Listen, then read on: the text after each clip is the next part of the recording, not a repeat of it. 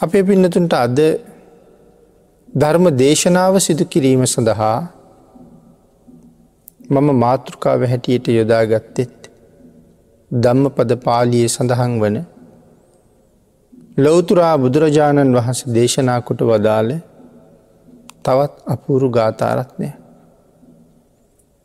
මේ ගාථා රත්නය අපේ බුදුරජාණන් වහස දේශනා කළේ තිස්ස කියන භික්‍ෂූන් වහන්සේ අරමුණු කරගෙන. සන්තන් තස්ස මනං හෝති සන්තවාචාජ කම්මච්ච. සම්ම දඥා විමුත්තස්ස උපසන්තස්ස තාදිනදින. අපි බුදුරජාණන් වහන්සේ ජීවමානව වැඩහිටපු කාලි කොස බෑනුවර එක කුලපුත්‍රයෙක් බොහෝම ශ්‍රද්ධාවෙන් පැවිදි වුණා. පැවිදි වුණාට පස්සේ උන්වහන්සේ හැඳින්වේ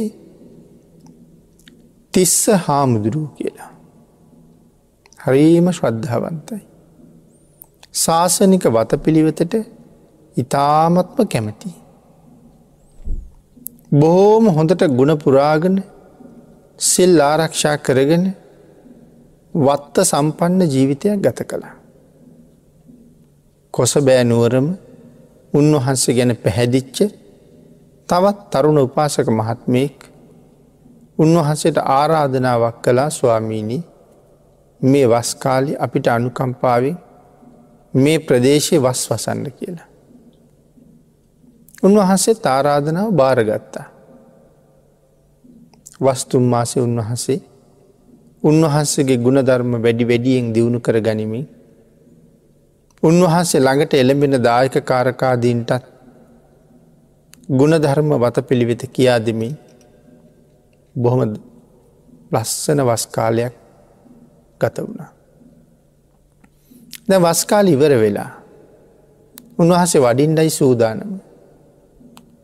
වස් ආරාධනා කරපු පාසක මහත්තයා තුන් සිවුරු සකසලා තිබුණා. එස් සිවුරුත් අරගෙන ඒ වගේම ගිතෙල් උක්හකුරු මේවාගේ දේවලුත් පිළියල කරගෙන තිස්ස ස්වාමීන් වහස ළඟට ඇවිල්ලා එ චීවර ආදියත් අනික් බෙහෙත් සඳහා අවශ්‍ය සියලු උප කරනත් උන්වහන්සගේ පාද මූලේ තියල පූජා කළා. ස්වාමීන් වහන්සේ වෙලා ඇහුවා මේ මොනවද කියලා. උපාසක තැන මතක් කලා ස්වාමීණී ඔබවහන්සේට සිවුරු ඔබවහන්සේට බෙහෙත් සඳහා අවශ්‍ය කළමන. උන්හසේ සඳහන් කළා මොකටද මෙව්ව මට කියලා. උපාසක මහත්තය ඇහුව ස්වාමීණී ඔබහන්සේ අපේ ආරාධනාවෙන් මේ ආරාමි වස් වැැසවා. වස් අවසාන කරලා පවාරණය කරලා වඩින්ඩ සූදානන් වෙනකොට මෙහෙම පූජාවක් කරන එක මගේ යුතුකමක් කියලා. අපිට අනුකම්පාවෙන් ස්වාමීණි මේ පූජා භාණ්ඩ ඉවසන්ඩ කියලා ඉල්ලීමක් කළා. උන්වහන් සඳහන් කලා හොඳයි කමක් නෑ නමුත් ඉතින් මට මෙවගෙන් කිසි ප්‍රයෝජනයක් නෑ මෙවා පරිහරණය කරන්න රැකබලාගණ්ඩ මල්ලග අතවැසියෙක් ශිෂ්‍යයෙක් කවුරුවත් නෑනි කියලා. ඉතින් අදට වඩා එදාය හරි වෙනස්. මේ උපාසක මහත්තයා එහෙම කියනකොටම සඳහන් කළා ස්වාමීණී මගේ පුතා ඔබ වහන්සේට දෙන්නම් ශිෂ්‍ය නමක් හැටියට ඔබ වහන්සේ උන්වහස යොදා ගණ්ඩ මගේ පුතා යොදා ගණ්ඩ කියලා. අවුරුදු හතයි වයස දරු ආණ්ඩගහගෙන නැවිල්ල ස්වාමීන් වහන්සේ ළඟ දක්වලා ස්වාමීණි අධින් පස්සේ ඔබ වහන්සේගේ සියලුම කටයුතු සඳහා මේ පුතා උදව්පකාර කරයි. ස්වාමීන් වහසේ වඩින යම් දිහාවක් වෙත්නම් මගේ පුතත් එක්කරගෙනම යන්න කියලා. ස්වාමීන් වහස කල්පනා කළා හොඳයි. එනම් මේ දරුව දැන් පැවිදි කරන්න ඕන කියලා. පැවිදි කරන්න අවශ්‍ය කටයුතු ඔක්කොම ලෑස්ති කරගෙන චීවර ආදිය පිළියල කරලා කෙස් බාල තච පංචක කර්මස්ථානය කෙස්රෝදක් අතට දීලා සිහිපත් කරන්න කියල මතක් කරලා දරුවගේ කෙස් බෑම ආරම්භ කළා. පිනතින හිස කෙස් බාලා ඉවර වෙනකොට. මේ අවුරුදු හතේ පුංචි දරුවා සිව් පිළි සිඹියාපත් මහරහතන් වහන්සේ නමක්. සංසාරි පුරාගත්ත බොහෝ කුසල්වලින් පිරිල ඉඳල තියෙන. නමුත් දැන් ගුරු හාමුදුරුව දන්නවාද පුතා රහත් වෙච්ච බව එහෙම දන්නෙත් නෑ. තාත්තා අම්ම දන්නවද පුතා රහත් වෙච්ච බව ඒ දන්නෙත් නෑ. ඉති පුතා පැවිදි කෙරෙව්වා. ගිහි කෙනෙක් හැටියට රහත් වනොත් එක්කො එදාම පැවිදි කරන්න ඕනේ නැත්තං එදාම පිරිනිවම් පාණ්ඩුවනේ. අපේ ශාසනය එහෙම හුඟාක් අය පිළිබඳව සඳහන් වෙනවා. බිම්බිසාර මහරජ්ජිරුවන්ගේ අගබිසව කේම බුදුරජාණන් වහන්සේගේ දේශනාව ඉවර වෙනකොට සියලු ආභරණ දරාගනම රහත් වුණ. බුදුරජාණන් වහන්සේ බිම්බිසාර රජ්ජිරුවන්ට කතා කර ලැහිව මහරජය කේම අදම පිරිනිවම් පානවද නැත්තම් පැවිදි කරනවද කියලා. රජ්ජිරු සඳහන් කළේ ස්වාමීණී කේමාවට දැම්ම පිරිනිවම් පාණ්ඩ අවශ්‍ය නෑ ඇය පැවිදි කරන්න කියලා. අරහත්වය නං උතුම් තත්ත්වය ගිහිව ඉඳගෙන දරන්ඩ බැරි නිසයි ගිහිව රහත්නුත් එදාම් පිරිනිවම් පාණ්ඩුවනි. එහෙම නැත්තම් පැවිදිවෙන්ඩ ඕනේ. ඉති දැන් මේ දරුවක් කොහොමත් පැවිදි කරන්න තමයි මේ කෙස් බෑවි. ඒ නිසා පැවිදි කළා. සිව් පිළි සිඹියාපත් සහිතව රහත් වනා කියලා කියන්නේ වයස අවුරුදු හතක් වුණාට මේ මහ රහතන් වහන්සේ. සිව් පිළිසිඹියා සහිතව රහත් වන හම තමයි මහරහතන් වහන්ස කියල කියෙන්. රහතන් වහන්සේලගේ විවිධ ප්‍රබේද සඳහන් කරලා තියෙනවා. තිස්ස හාමුදුරුව පොඩි හාමුදුරුත් අඩගහගෙන උන්වහන්සගේ ගමනට වැඩිය. උන්වහසක දවසක් තීරණය කලා යන්න ඕන බුදුරජාණන් වහන්ස දකිින්ට. වස්තු මාසම බුදුන් වඳින්ට ඇන්ඩ බැරි වුණා. අඩ මාසයක් විතර මෙහිඉඳලා පිටත් වනා බුදුරජාණන් වහස දැකගන්ට. ඒ යනකොට පූජා කරන්න අවශ්‍ය දේවල් ටිකකුත් සූදානන් කරගත්තා. මේ පොඩි හාමුදුරුව තමයි ඒ ටිකත් අරගෙන වඩින්නේ. අතර මග උන්වහසලාට තැනක නතර වෙන්ඩ සිද්ධ වුණා. ආරාමයක් තිබුණ එහෙ නතර වෙන්ඩ අවසර ලැබුණ. හැබැ මේ පුංචි හාමුදුරුව මේක ආගන්තුක තැනක්නේ. ආගන්තුක තැනක ඉන්න භික්‍ෂූන් වහන්සේලානි ආගන්තුකයන්ට වත් සපයන්ඩ ඕනි. එනිසා මටත් ගුරු හාමුදුරුවන්ටත් දෙන්නටම වැඩයින්ට තැන් සකසලා පිළියල කරලා දෙයි කියලා කොහොමත් හිතාගෙන නිශ්ශබ්ද වනේ නන්නේ. ආගන්තුක බව පසක තියලා තමන්ගේ ගුරු හාමුදුරුවන්ට වැඩඉන්න කුටියක් උන්වහන්සේ අස්පස් කරලා පිළියල කළා. හැබැයි ඒටික පිළියල කරලා ඉවර වෙනකොට හුඟක් රෑබෝ වුණා. ගුරු හාමුදුරුවන්ට වැඩයින්ට එතෙන්ට ආරාධනා කළත් උන්වහන්සේ ඇහුව සාමනේර දැන් ඔබට ඉන්ඩ තැනක් පිළියල කලාද නෑ ස්වාමිනි රෑබූ වුණා. ආ එහෙනම් කමක් නෑ. මේ මම ඉන්න කුටියම රාත්‍රී ගත කරන්න කියලා. දවස් තුනක් මෙහෙ අතර වෙලා හිටිය. පොඩි හාමුදුරුව තුන්ගනි දවසි කල්පනා කළා අදත් රාත්‍රියයේ මං මේ කුටිය සතපුනොත් මගේ ගුරු හාමුදුරුව සහසෙයියා පත්ති කියන මේ ශික්ෂාපදය උල්ලංඝනය වෙලා එහෙම බලපෑමකට ඇවතකට උන්වහසේ ලක්වෙන්ට පුළුවන්. ඒ හින්ද මම අද සැතපිලා බෑ. එහෙම තීරණයක් ගත්තා. මං අවදියෙන්ම ඉන්ඩෝනේ. ගුරු හාමුදුරුව පෘතත් ජනයි. උන්වහසිතින් රෑබෝ වෙලා යහනට වැටුනහම උන්වහස එහෙමම සැතපුුණා. පොඩි හාමුදුරුව යහන ළඟ බිම වාඩි වෙලා මුළු රැයම පහන් කළා. ගුරු ස්වාමීන් වහන්සේගේ ඇවත මගහරවන්න ඕන නිසා. එකන පුංචි වරදක පවා දොස් දකිනවා එකයිය සඳහන් කළේ. නමුත් ලොකු හාමුදුරුවොත් කාරණාව දන්නවා. පොඩි හාමුදුරුව අවදි වෙලා ඉන්න බව නෙමෙයි. මෙහෙම දින තුනක් එකට ඉන්නකොට මේවාගේ ඇවතක් තියෙනවා කියලා නොදන්නව නෙමෙයි. ඒ නිසා උන්වහන්සේත් අරුණට කලින් අල්ලුයමම අවදි වුණා. අවදි වෙලා දැන් පොඩි හාමුදුරුව අරුණ නැගෙන්ට කලින් කුටියෙන් පිට මං කරන්න ඕන කෙළ හිතල. වටහපත අරගෙන පොඩි හාමුදුරුව සැතපිලා ඉන්න තැනට වටහපිත මිතින් තට්ටු කෙරුවා. සාමනේර නැගිටින්ට නැගිටින්න කියලා. ඒ වෙනකොට ඉඳගෙනමයි ඉන්නේ. නමුත් අර වටහපත් මිටෙන් තට්ටු කරන්න වටහපත ගන්නකොට සාමනේරයන් වහසගේ ඇහේ වැදුනා. ඇහේ වැදිල ඇහැ හිල්ලුනා.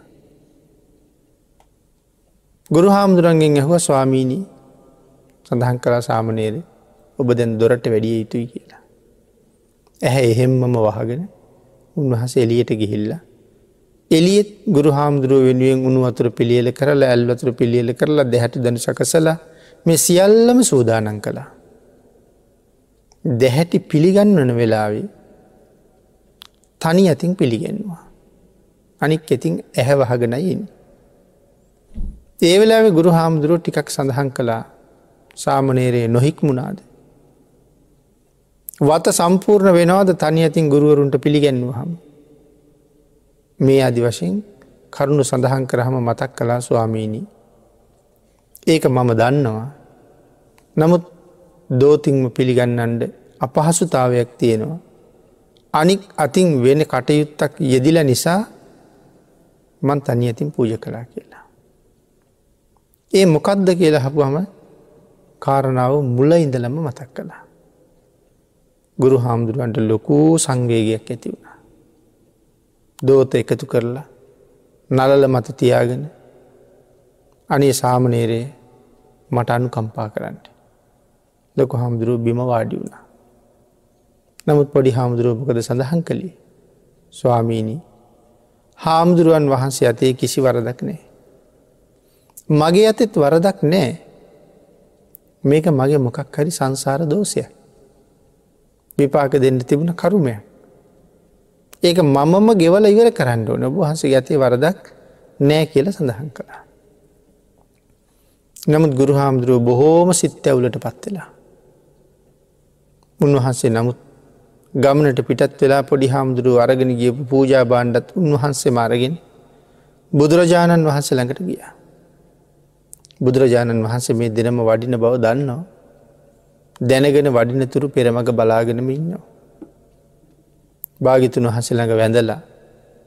ගුරු හාමුදුරුව මේ ශිෂ්‍ය හාමුදුරුවන් වහන්සේගේ ගුණම වර්ණනා කරනවා. මොන හේතුව නිසා මේ තරන් ගුණ කියනවද. කොයි කරුණෙන් එහෙම දැනගත්තද කිය ලහපු හම එදා වෙච්ච සිද්ධියත් මුල ඉඳලම සඳහන් කරලා ස්වාමීණි මේ තරං විනාසයක් වෙලත් මොහු මට කිවි ස්වාමීණී ඔබ වහන්සේගෙත් මගෙත් වරදක් නෑ මේක මගේ සංසාර දෝෂයක් කියන කාරණාවයි. මෙහෙම කරුණු සඳහන් කරහම අපේ බුදුරජාණන් වහන්සේ සඳහන් කළා මහනිනී එහෙම දේශයක් ඇතිකරගෙන ගුරු හාමුදුරන්ට චෝදනා කර කර කටයුතු කරන්න තරන් රහතන් වහන්සේල ළඟ කිසිම ක්ලේසයක් නෑ. දේශයෙන් කිපෙන සුළු බවක් රහතන් වහන්සේ සතුව කොහොමුවත් කොහොමුවත් නෑ. රහතන් වහන්සේ සංසුන් සිත් ඇති කෙනෙක් සංසුන් ඉන්ද්‍රියන් ඇති කෙනෙ. ඒ නිසා මෙවන් දේකදි කෝපයක් කලකිරීමක් කොහොමත් උන්වහන්සේල ළඟ නෑ කියලා. අන්න එදා තමයි ගුරු හාමුදුරුවොත් දන්නේ. අනික් හාමුදුරුවරුත් දන්නේ. මේ පුංචි හාමුදුරුවෝ සිව් පිළිසිඹියාපත් මහරහතන් වහන්ස කෙනෙක් කියලා. මේ කාරණාව එහෙම සඳහන් කරලා අපේ භාගිතන් වහන්සේ අපි අර මුලින් සඳහන් කරපු ගාථාරත්නය දේශනා කළා. සන්තන් තස්ස මනං හෝති සන්ත වාචාච කම්මචය. සම්මධඥා විමුක්තස්ස උපසන්තස්ස තාදී. මේ ගාථාවේ සරල තේරුම තමයි මැනවින් කරුණු දැනගෙන විශේෂයෙන් කෙලෙස්වලින් මිදුන සංසුන් නොසැල්ලෙන ගුණ ඇති රහතන් වහන්සේලාගේ සිත මනාව සංසිඳනේ වෙයි කියෙන කාරණ. සන්තන් තස්ස මනන් හෝති. රහතන් වහන්සගේ හිත මනාව සංසුන්. රහතන් වහන්සේගේ හිත මනාව සංසුන් කියල කියහම කොහොමද හිත සංසුන් කියල අපි දැනගන්නේ. හිත නිමිලා හිත හික්මිලා අපි දැනගන්න කොහොමද. කෙනෙකුගේ හිත නිමිලන ඒ හිතේ කවදාවත්ම අවිද්‍යාවාදී අකුසල කර්මයෙන් ඇතිවෙන්නේ නෑ. හිතේ උපදින අකුසල චෛතසකයන් තුනක් විස්තර කරනවා. එකක් අවිද්‍යා අනික ව්‍යාපාද අනික මිත්‍යා දෘෂ්ටි. සංසුන් හිතක් තියෙන කෙනෙ. අවිද්‍යාවට කොහොමත් යොමු වෙන්නේ නෑ. අවිද්‍යාවක් ඇත්තෙමනෑ මේ කෙලෙස් වලට මොකද කරලා තියන්නේ. කෙලෙස් දුරින්ම දුරු කරලා නැත්තටම නැති කරලා විනාශම කරලයි තියෙන. මොකදද අවිද්‍යාව කියල කියන්නේ. අන් සතු වස්තුව පිළිබඳව තියෙන දැඩි ලොහුපේ.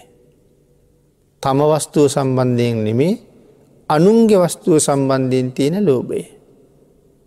ඒක තමන් සතු කර ගණ්ඩ තියෙන වුවමනාව මේකට කියනවා අභිද්‍යා එකරි භයාන කකුසල කරමය. හිතේ තමයි මේ අකුසල් උපදී. එළඟට ව්‍යාපාද අන් අය නසන චේතනාව. ඉතින් මේක නොයේ කාරණා ඔස්සේ පැහැදිලි කරන්න පුළුවන්. කෙනෙක් තමන්ට වඩා හොඳට ඉගෙන ගන්නවාන ඒත් ඔහු මරලදාන්න හිතෙන්ට පුළුවන්. කෙනෙක් තමන්ට වඩා හොඳට ධනයෙන් පොහොසත් වෙනවන ඒත් ඔහුගේ ජීවිතය නැති කරන්න හිතෙන්ට පුළුවන්. කෙනෙක් තමන්ට වඩා සමාජයේ බොහොම ප්‍රසිද්ධ වෙනවනම් මිනිස්සු අතර නිතර ගුණ කතා කෙරෙනවන්න ඒත් ඔහුගේ ජීවිතය විනාශ කරලා දාණ්ඩ හිතෙන්ට පුළුවන්. මේ ආදි වශයෙන් තමන්ට වඩා යම් කෙනෙක් උසස් මට්ටමට ගමන් කරනවා නම් ඒ අයගේ ජීවිත විනාශ කරන්න හුඟක් අයට හිතෙනවා ඒ තැන මට ගණ්ඩ ඕන කියලා. එතකොට දේශසිත් හැම තැනමතියෙන්. මේ අපි කරුණු කීපයක් විතරයි සිහිපත් කළේ. තවත් නොයෙක් තැන්වල අනුන් නසන හිත අපිට ඇති වෙනවා. මේ සංසුන් නැති හිත හරිම භයානකයි. බාහිර අය ගැන විතරද මෙහෙම සිතුවලි ඇතිවෙන්නේ. සමහර සහෝදරයේ තමන්ගේ සහෝදරයගේ දියුණුවට කැමතිත් නෑ. සමහර සහෝදරියක් තමන්ගේ සහෝදරියගේ රුවලස්සන ගැන කැමතිත් නෑ. ඒ නිසා එහෙම ගෙවල්ලොල දරුවන් අතරේ හරියට අන්ට දබර. හැම වෙලාම ඔවුන් විනාශ කරන්නයි හද. මේ දවේශය හරීම භයනකයි. ඊළඟට හිතේ ඇතිවෙන තුන්ගෙන අකුසල කර්මය මිත්‍යා දෘෂ්ටි. මොනවද මේ මිත්‍යා දෘෂ්ටි කියන්නේ. කෙටියෙන් සඳහන් කළුත් මේ ලෝකෙ සම්මා දිට්ටියක් දේශනා කලාන නිවැරදිම කරුණ පැහැදිලි කලාන ඒ ලොවතුරා බුදුරජාණන් වහස විතරයි. බුදුරජාණන් වහන්සේ නිවැරදි මග දේශනා කරලා තියෙනකොට. යම් කෙනෙක් ඊට පටහැනිව කරුණු දක්වනවන ඒ හැම කරුණක්ම මිත්‍යා දෘෂ්ටිය. ඒ හැම කරුණක්ම වැරදි දැක්මක්. ඒ වැරදි දැක්ම තුළ කවදාවත් අපට සුගතිගාමී වෙන්ඩවත් සදාකාලික සැනසීම හොයා ගණ්ඩවත් අවසරනෑ. නමුත් ඕන තරං ලෝකය අය බුද්ධ වචනයට පිටු පාල කටයුතු කරන්න ලෑස්ති වෙච්චාය අපි ඕන තරන්දකිනවා. පරම මිත්‍යා දෘෂ්ටික ඕන තරන් අපිට මුණගැහෙනවා. නමුත් ශ්‍රද්ධාව තියෙන කෙනා කොයි තරන් තර්ක කිරුවත්. මේක ලොවතුරා බුදුරජාණන් වහන්සේ මෙහෙමයි දේශනා කරලා තියෙන කියල කීවොත් තමන්ගේ තර්කය එතනම නවත්තනවා. අහවල් ගුරුවරයා කීව කීවත් පිළිගන්න නැති වෙන්න පුළුවන්. අහවල් විද්‍යාඥා කිව්ව කීවත් පිළිගන්න නැති වෙන්න පුළුවන්. අහවල් ප්‍රාඥ්ඥා කිව්ව කීවත් පිළිගන්න ඇතිවෙන්න පුළුවන් නමුත් බුදුරජාණන් වහස දේශනා කරලා කියල කීවොත් තමන්ගේ මතේ එතනම එතනම නවත්ත ගන්න. නමුත් සමහර කෙනෙක් ඉන්නවා ඔහොමන මේ කවුරු කීවත් මං පිළිගන්නෑ කියලා තර්ක කරන ඉන්න තමන්ගේ මතේමයි හරි කියලා එල්බ ගත්තාය. වැරදි මතවලට ගමන් කරලා. මේ මිත්‍ය අදෘෂ්ටිය අපි කවදාව සුගතිගාමී කරන්නේ නෑ. ලෝකෙ තියෙන භයානක මකුසල් පහක් ගැන අපි කතා කරනකොට ඒ ආනන්තරිය පාපකරම. ඊටත් වඩා ලොකු කරුමයක් තියෙනවන ඒ මිත්‍යා දෘෂ්ටික කර්මය. ආනන්තරීය පාපකර්ම කරපු කෙනා කල්පාන්තයේදී. මහා කල්පයක් පුරාවට විපාක දෙන මේ මහා අකුසලය මහාකල්පයක් විපාක දෙන්නට කාලයක් නෑ මහා කල්පය විනාස වෙන්නයි හද. ඒමනං ඔවුන් ඒත් නිරයෙන් විදෙනවා. නමුත් සඳහන් කළා මිත්‍යාදෘෂ්ටි කර්මය කරගත්ත කෙන. මේ සක්වල කල්පාන්තයේදි විනාශ වෙනකොට සියලුම අපායවලුත් විනාස වෙනවා. මෙන්න මේ පෞකාරයා මේ කල්පාන්තයෙන් විනාස නොවෙන වෙනත් සක්වලක නිරයකට මාරු කරනවා කරමය විසින් කියලා. ඒ තරම්ම භයනකකු සලයක් මිත්‍යා දෘෂ්ටිය කියල කියෙන්. එතොට මේ අකුසල් ඔක්කොම හටගන්න කොහෙද හිතේ. යම් කෙනෙකුගේ හිතේ මෙවන් අකුසල් නූපදිනවන අන්න ඒ හිත සංසුන් කියල කියන. සංසිඳුණු සිත. බණ අහන නිසා ධර්මය යම් පමණකට දන්න නිසා අපි බුදුරජාණන් වහන්සට විරුද්ධ වෙන්නේ නෑ. නමුත් ධර්මය දන්න ඇති ප්‍රමාණය ඉඳලා අපි බුදුරජාණන් වහන්සට විරුද්ධ වෙන්ඩ තියෙන ඉඩකඩ ඉදිරියට බොහොම වැඩි. එහෙම නැත්තං හිතේ පූර්ණ විශ්වාසයක් ශක්තියක් උපදව ගණ්ඩෝ නෑ භාග්‍යතුන් වහන්සේ නං දේශනා කළේ කවදාවත් මං එකට පිටුපාන්නේ නෑ කියලා. එදාට අයි බුදුරජාණන් වහන්සගේ සරණ පවා අපිට ලැබෙන්ඩ පටන් ගන්න. නමුත් පිනතේ අපි මිත්‍යා දෘෂ්ටිවලට යන්න නැහැ තුනුරුවන් පිළිබඳවත් හොඳට දන්න නිසා. දේවුණට අපේ හිතේ ඕන තරන් අවිද්‍යාව ව්‍යාපාදයනං ඇතිවෙන්න එක නවත්තන්න බැරිවී. නමුත් හිත සං සිදුන කියල කියන්නේ මේ කාරණා දෙකත් මේ චිත්ත සන්තානයේ නූපදින දවසටයි. එතකොට හිතෙන් කරන වැරදි තුනයි. ඊළඟට සඳහන් කළා සන්ත වාචාජ කම්මච වචනයෙන් කරන වැරදිවලිනුත් මැග හැරුණ කෙනා අත්හැරුණ කෙනා වචනයක් සංවර කරගත්ත කෙනෙ. වචනයෙන් වැරදි කීයක් අපි කරනවාද හතරක් කරනවා. බොරු කියනවා කේලං කියනවා පරුසවචන කියනවා ඉස් වචන කියනවා. යමෙක් හැබෑවටම තමන්ගේ වචනය සංවර කරලනං ඔහුගෙන් මේ වැරදි හතරම වෙන්නේ නෑ. මේ හතරම කාගෙන් හරි නොවෙනවනං ආං වචනයෙන් සංවර කෙනෙක්. එතකොට මේ දේශනාවල් අහනකොට අපි හැම වෙලායම මේ සඳහන් කරපු කාරණාව විතරක් අහගෙන හිටියහම ඒ අපේ ජීවිතයට බද්ධ වෙන එකක් නෑ හරියට. මේ කරුණ අහාහ එහෙනම් මම වචනයෙන් සංවරද මම මනසිං සංවරද මගේ සංවර වෙන්න තව කොච්චර ප්‍රමාණයන් තියෙනවද. වචනයෙන් කෙරෙන වැරදි හතරයි මේකෙන් මං අතින් සංවර මදි කොයි කරුණු සම්බන්ධයෙන්ද. මුසාවාදානන් ශික්ෂාපදය උල්ලංඝනය කරන්නෙම නෑ කියල කෙනෙක් හිතන්ඩ පුළුව. ඇත්තටම මතක ඇති කාලෙක ඉඳල බොරුවක් කියලම නෑ වෙන්ඩ ඇති. ඒ වුනාට තන්හාාව තව හුඟ තියෙන හින්දා. දවේශය අපේ හිතේ තියෙනවා. දේශය හිතෙත් සිද්ධ වෙන කුසලයක් කෙටිට පැහැදිලි කලානේ. මේ දවේශයත් එක්ක තමයි මේ පරුස වචනය කියන එක එන්නේ. කේන්ති නොගිය කෙනෙකුට පරුස වචන කියන්න කියන්න බෑ. හැබැයි නොයෙක් වර පැහැදිලි කරලා දීල තියෙනවා. සාමාන්‍ය සම්මත සමාජයේ පරුස වචනයයි කියල සලකන කාරණා වචන විතරක් නෙමෙයි පරුස කියල කියන්නේ. දේශය මුල් කරගෙන යම් කෙනෙක් තව කෙනෙකුට වර පලතෝ ආදී වචන ප්‍රකාශ කරනවනම් ඒ ඔක්කොමත් අයිති වෙන්නේ මෙන්න මේ දවේශ ගනයට. නතම් පරුස වචන ගනයට. තෝ කියල කියන වචනයත් පරුස වෙන්නේ වචනයේ රලු ස්වභාවය යනු. ඒ වචනය එලියට යන්ඩ හිතේ තියෙන ස්වභාවය යනු. බොම ආදරෙන් සෙන හසින් තෝ කියන්නත් පුළුවන්. ඉතා රල්ලු සිතින් යුක්තව තෝ කියන්නත් පුළුවන්. එන හිතේ ස්වභාවයට අනුව වචනය පරුසද නැද්ද කියන එක තීරණය වෙනවා. එතොට මේ කේලං කියන එක අනුන්ගේ ඕපදූපයක් කියන්න නැතුව ඉන්නම බැරියයි ඉන්නවා. එ තන්හාාවක් මේක කියන්ට මේක කියන්න යළි යළි හිතෙනව නෑ මේක කියල බෑ මේක කියල බෑ ආයයි නැගෙනව නෑ මේක විතරක් කියන්න කොහොම කොහොම හරි මේ අකුසලේම රජ වෙනවා.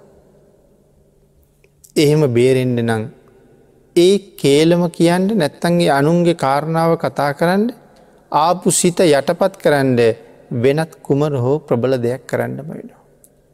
එක්ක බුදුගුණයක් ගායනා කරනවා. එක්කො දහම් ගුණයක් සඟගුණයක් මෙනෙහි කරනවා. එහෙම කරලා අර චෛතසිකය හිතින් පන්නන්ඩ බෝනේ. එහෙම වුණොත් ඒකින් බේරෙන්ට පුළුවන්. නැත්තං බොරු නොකීවට අනික් තුනම සිද්ධ වෙන්ඩ තියෙන ඉඩකඩ ඉතාම වැඩි. අල්ලාප සල්ලාප දොරෝණ එක සාමාන්‍ය අපි හැමෝගෙම සිරිතයි. නමුත් දෙදෙනෙක් එක තැන මුණ ගැහුණු වෙලාවක්. කතා කරන්න කිසිම දෙයක් නැත්තං ධර්ම කාරණාවක් සාකච්ඡා කරන එක තමයි වටිනවා කියල සඳහන් කළේ. ඒ කරුණත් එක්ක අපේ සමාජයේ දිහා බලහම කීයෙන් කී දෙනෙක් මුණගැහිල්ල ධර්ම කාරණා සාකච්ඡා කරනවාද.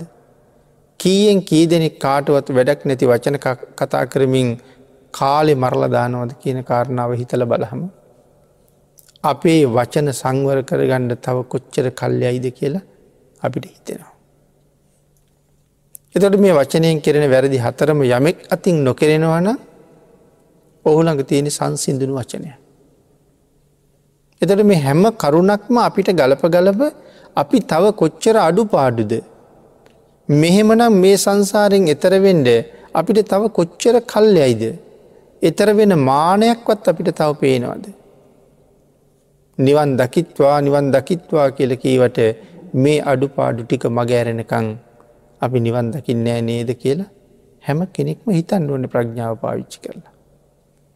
පිනත ඊළඟට කයෙන් කරන වැරදි.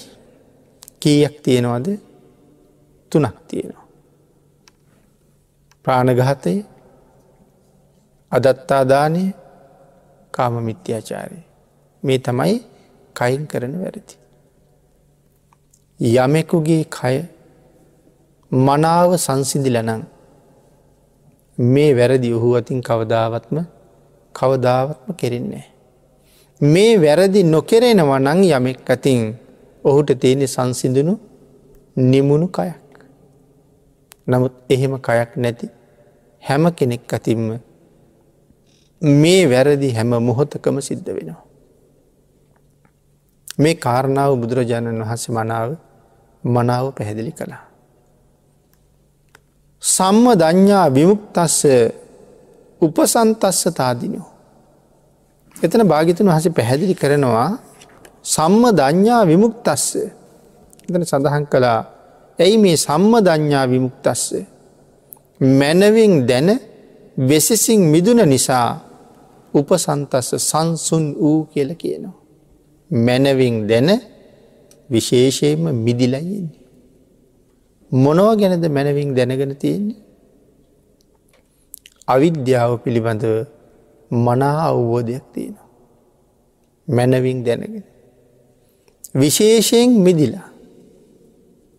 තව විදිහකට කිවොත් අවිද්‍යාව කියල කියන්නේ චතුරාර්ය සත්‍ය ධර්මය පිළිබඳව තියෙන අනවබෝධය. එහෙනම් චතුරාර්ය සත්‍ය ගැන අවබෝධයක් ඇතිකරගෙන මනාව මිදිලයි ඉන්නේ. සම්ම දඥා විමුක්තස්ස. මැනවින් මිදිලා. එතකොට චතුරාර් සත්‍යය මනාව දැනගෙන දුක්ක සමුදය නිරෝධ මාර්ග. එහෙනම් මේ දුක ලෝකයේ සධාතනික සත්‍යය දුක කියල කියෙන්. ලෝකයේ සධාතනික සත්‍යය දුක හටගන්න කොහොමද. මේ දුක නැති කරන්න දුක හටගන්න තැන හොයන්ඩ වෙනවා. එහෙම නැත්තං සමුදය හොයන්ඩ වෙනවා. දුක හටගත්තේ මොකක් නිසාද අවිද්‍යාව නිසා.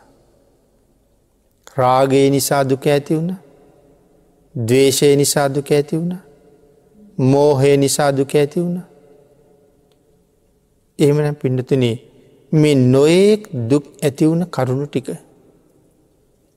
මනාව හොයා ගණ්ඩුවනේ යම් පුද්ගලයකුට යම් කරුණක් සම්බන්ධයෙන් දුකක් තියෙනවා ඔහු හැම වෙලාවිම හොයන්ඩෝනේ ඒ දුක කොතනින්ද එන්නේ. මොන හේතුව නිසාද මේ දුක්ටික මට ඉපදුනේ. ඉතින් එහෙම කල්පනා කරලා බලහම වර්තමානය ඔබ මම විඳින යම් දුකක් තියෙනවනං. ඒ හැම දුකක්ම හටගත්ත තැනත් අපි දැනුවත් වම තියෙනවා. ඒ හටගත්ත තැන ඉවත් කළොත් ඒ දුකින් විදෙන්න්න පුළුවන්. නමුත් මේ කතා කරනවා වාගේ අපිට ඒක ඉවත් කරන්න පුළුහන්ද. අපිට ඒක ඉවත් කරන්න බෑ. මේ කතා කරන තරම් පහසුවෙන් ඉවත් කරන්න බෑ. හේතුව ස්වාමයා නිසා උරුම වෙච්ච දුක් ප්‍රමාණයක් තියෙනවා. බිරිඳ නිසා මුහුණ දෙන දුක් ප්‍රමාණයක් තියෙනවා. දරුවෝ නිසා විඳින දුක් ප්‍රමාණයක් තියෙනවා. රැකියාව නිසා බුක්ති විඳින දුක් ප්‍රමාණයක් තියෙනවා. ඉඩකඩන් නිසා යානවාහන නිසා දේපොල් නිසා බුක්ති විදින දුක් ප්‍රමාණයක් තියෙනවා. නමුත් මේ කාරණා තුළින් මට උපදින්නේ දුකක් යැයි කියල හිතලා සැමිය ඉවත් කරන්නටත් බෑ බිරිඳ ඉවත් කරන්නටත් බෑ යානවාහනත් හරින්ටත් බෑ දේපලෝලිං මිදෙන්ටත් බෑ නමුත් මේ දුක් මේ ඔක්කොගෙන්ම තමයි ඇවිල්ල පැටලිල්ල තියෙන. එහෙමනම් මුලට යන්ඩ ඕනෑ මේ දුක්කන්ද මේ විදිහට පටලගත්තේ මොන හේතුව හින්දද කියලා. ආං එතන ප්‍රධාන හේතුව බවට පත්වෙනවා අවිද්‍යාව. පූර්ණ අනවබෝධය. මේ අපේ භාගිතුන් වහසේ දම්ම පදේම තවත් තැනක අපූරුවට පැහැදිලි කළා. එක තැනක භාගිතුන් වහස පැහැදිලි කළා රාගය නිසා ඇතිවෙච්ච දුක් ප්‍රමාණයක් තියෙනවා. ඒ දුකෙන් විදෙන්ඩ නම් මේ රාග ධර්මතාවය නැති කරන්න ඕන.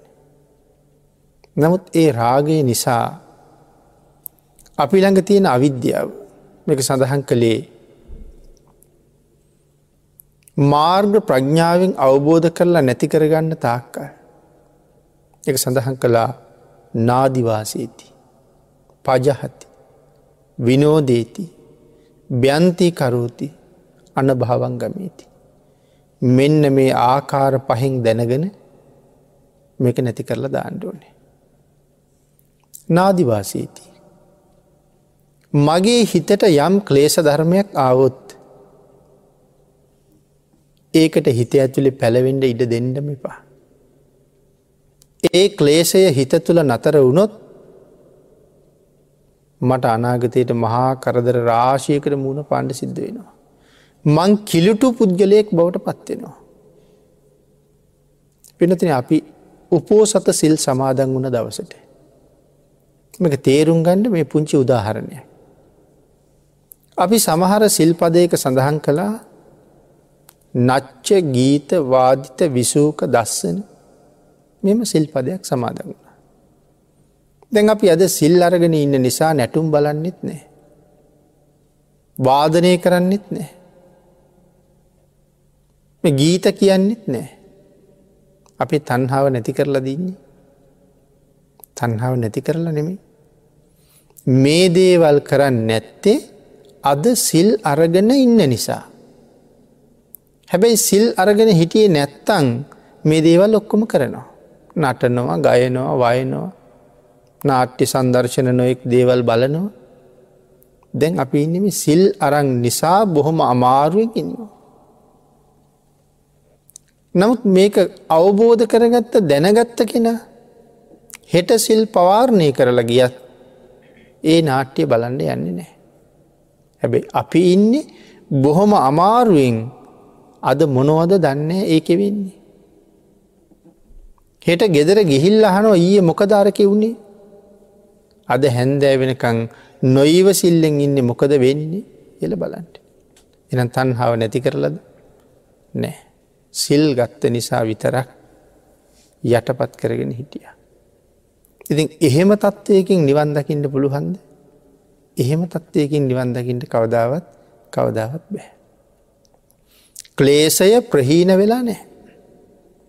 ගීතයක් හිතට ආපු හම සිල් අරගෙන ඉන්නකොට දැ මම ගීත කියන්න වෙන දන මතක් වෙච්ච ගමන් මේක මුමුණනවා ද අදහෙම කියන්නේ. නමුත් හිත ඇතුළේ ගීතය තියෙනවා. හිත ඇතුළේ ටික ටික එයා ආක්‍රමණය කරනවා රජ වෙනවා. නමුත් මං කියන්නේ. සඳහන් කළේ එහෙම සිතුවිල්ලක් හිතට අවුත් වහාම බැහැර කරලා බුදු ගුණයක්වත් මෙනෙහි කරන්න.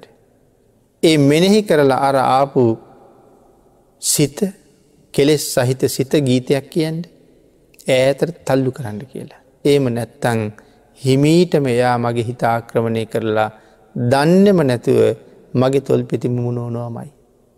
ඒත් එක්කම සිල්පදය විනාස වෙලා යනවමයි.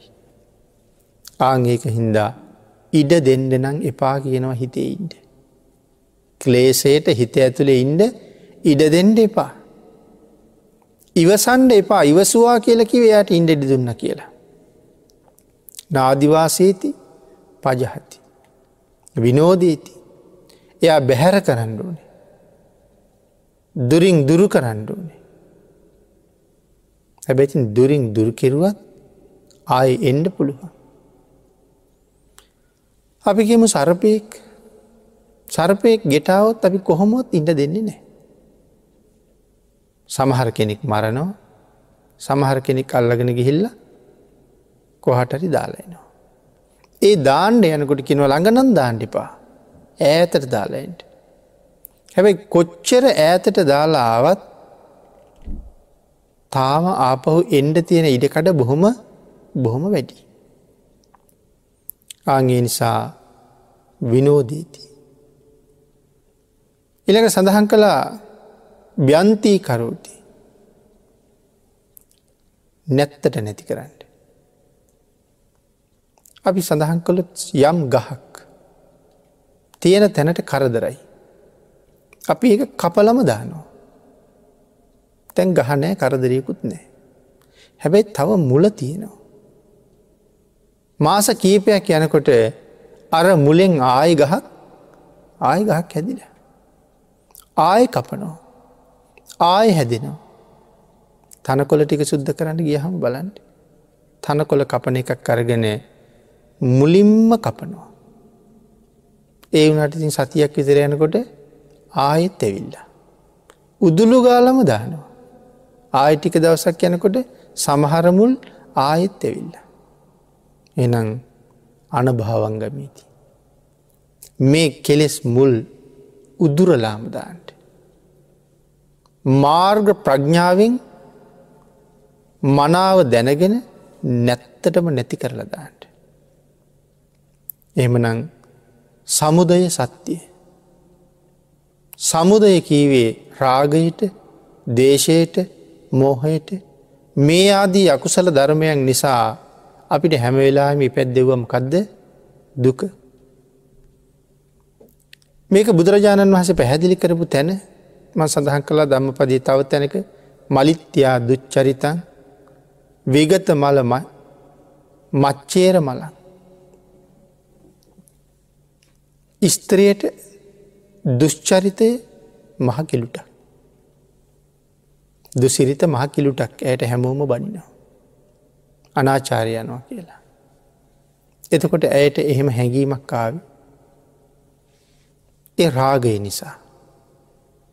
රාගය නිසා ඇය අනාචාරයන්ට පටන් ගත්තා. දැන් අනාචාරය යනකොට ගෙදරාය බනිනවා. සහෝදර සහෝදරියෝ බයිනවා.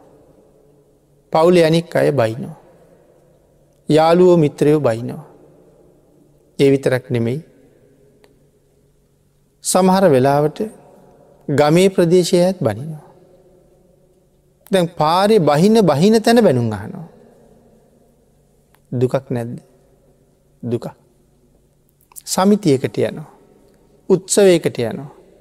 මගේ මූුණ දිහා බලබල අනික් අය ආපහු තම තමන්ගේ මූුණු දිහා බල බල මොනවද මූුණනවා.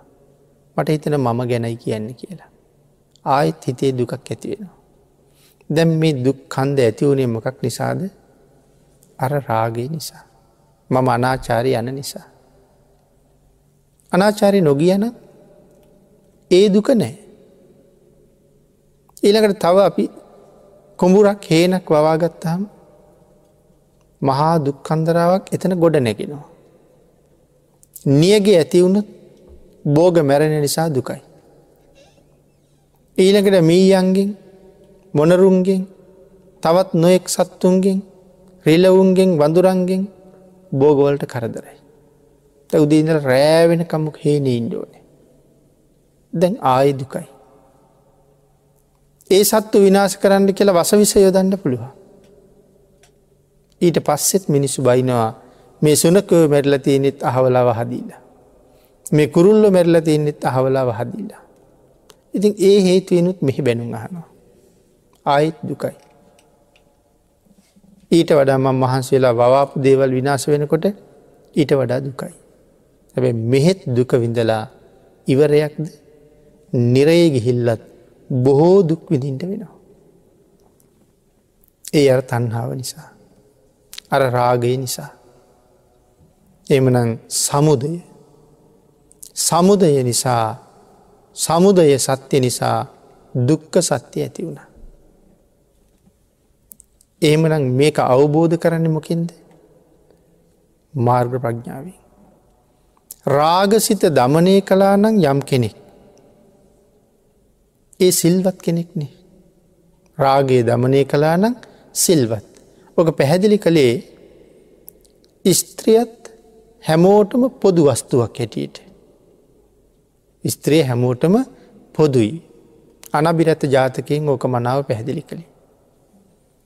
නානතොට හැමෝටම පොදුයි මහපාර හැමෝටම පොදුයි සුරාසල හැමෝටම පොදුයි රැස්වීම් ශාලාව හැමෝටම පොදුයි ස්ත්‍රියත් හැමෝටම පොදුයි. නමුත් යම් කාන්තාවක් ඒ පොදු බව වලක්ව ගත්තනං ඇය සංවර වෙච්ච හින්දයි.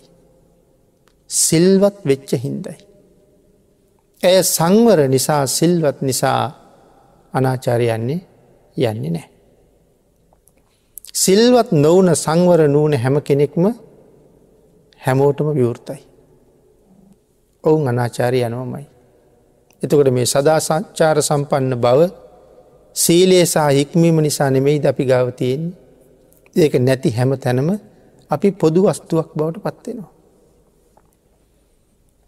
එතකොට ඇය අනාචාරය යන නිසා පවුලි අයගෙනුත් අසුරු කරන අයගෙනුත් බැනුම් හ මෙලෝදුකට පත් වන නොයෙක් ලෙඩරෝගෝල්ට ලක් වෙලා මෙලොව දුකට පත් වන මැරිල ගිහිල්ලා පා ඊට වඩා දුක්කන්දරාවක් වෙදිනවා. මට මේ බැනුම් අහන්ඩ සිද්ධ වෙන්නේ මගේ තියෙන මේ අඩුපාඩුව හින්දයි කියල කල්පනා කෙරුවොත් ඇය අඩුපාඩුව නැති කරගත්තොත් ඇය එතන ඉඳල සංවර වෙන්ඩ පටන් ගත්තොත් ඇය සිල්වත් වෙනවා කියල කියන්නේ එතන මාර්ග ප්‍රඥාවට අයිති. මේ මාර්ග ප්‍රඥාව දැනගෙන ඒ අවබෝධ කරලා දුක උපදින තැන නැති කරපු කෙනා. නිරෝධය හොයාගණ්ඩ වහවහා කටයුතු කරනවා. රහතන් වහන්සේ කියල කියන්නේ මනාව දැනගෙන එයින් මිදුන නිසා සම්මදඥා මනාව දමනය වුණ නිසා දැනගෙන දමනය වුණ නිසා මොනවද දැනගත්තේ. සසර දුක දැනගෙන අවිද්‍යාව ප්‍රහීණය කරලා සංසාරයෙන් එතර යන්ට විද්‍යාව පහළ කරගණ්ඩ මනාව දැනගෙන කටයුතු කළා. හැම දුකක්ම උපදින තැන දැනගෙන හැම දුකක් උපදිනම හැම මූලයම ගලෝලා විසි කරලා දාලා තියෙන. ආගේ නිසා අවිද්‍යාව බැහැරම කරලා දාලා. කොහොමද සඳහන් කළේ. අවිද්‍යාව නං ළඟවත් තියාගන්න එපා කියල බුදුරජාණන් හස දේශන කරන්න. සමහර දේවල් අපි ළඟ තියාගන්නට කැමති අවිද්‍යාව ළඟවත් තියාගන්න එපා කිවා. මේ මේ කරුණ හොද්දටම වැටහෙනකොට තමයි පාප මිත්‍රයා දුරින්ම දුරු කරන්න ඕන කෙළ වැටහෙට ගන්න.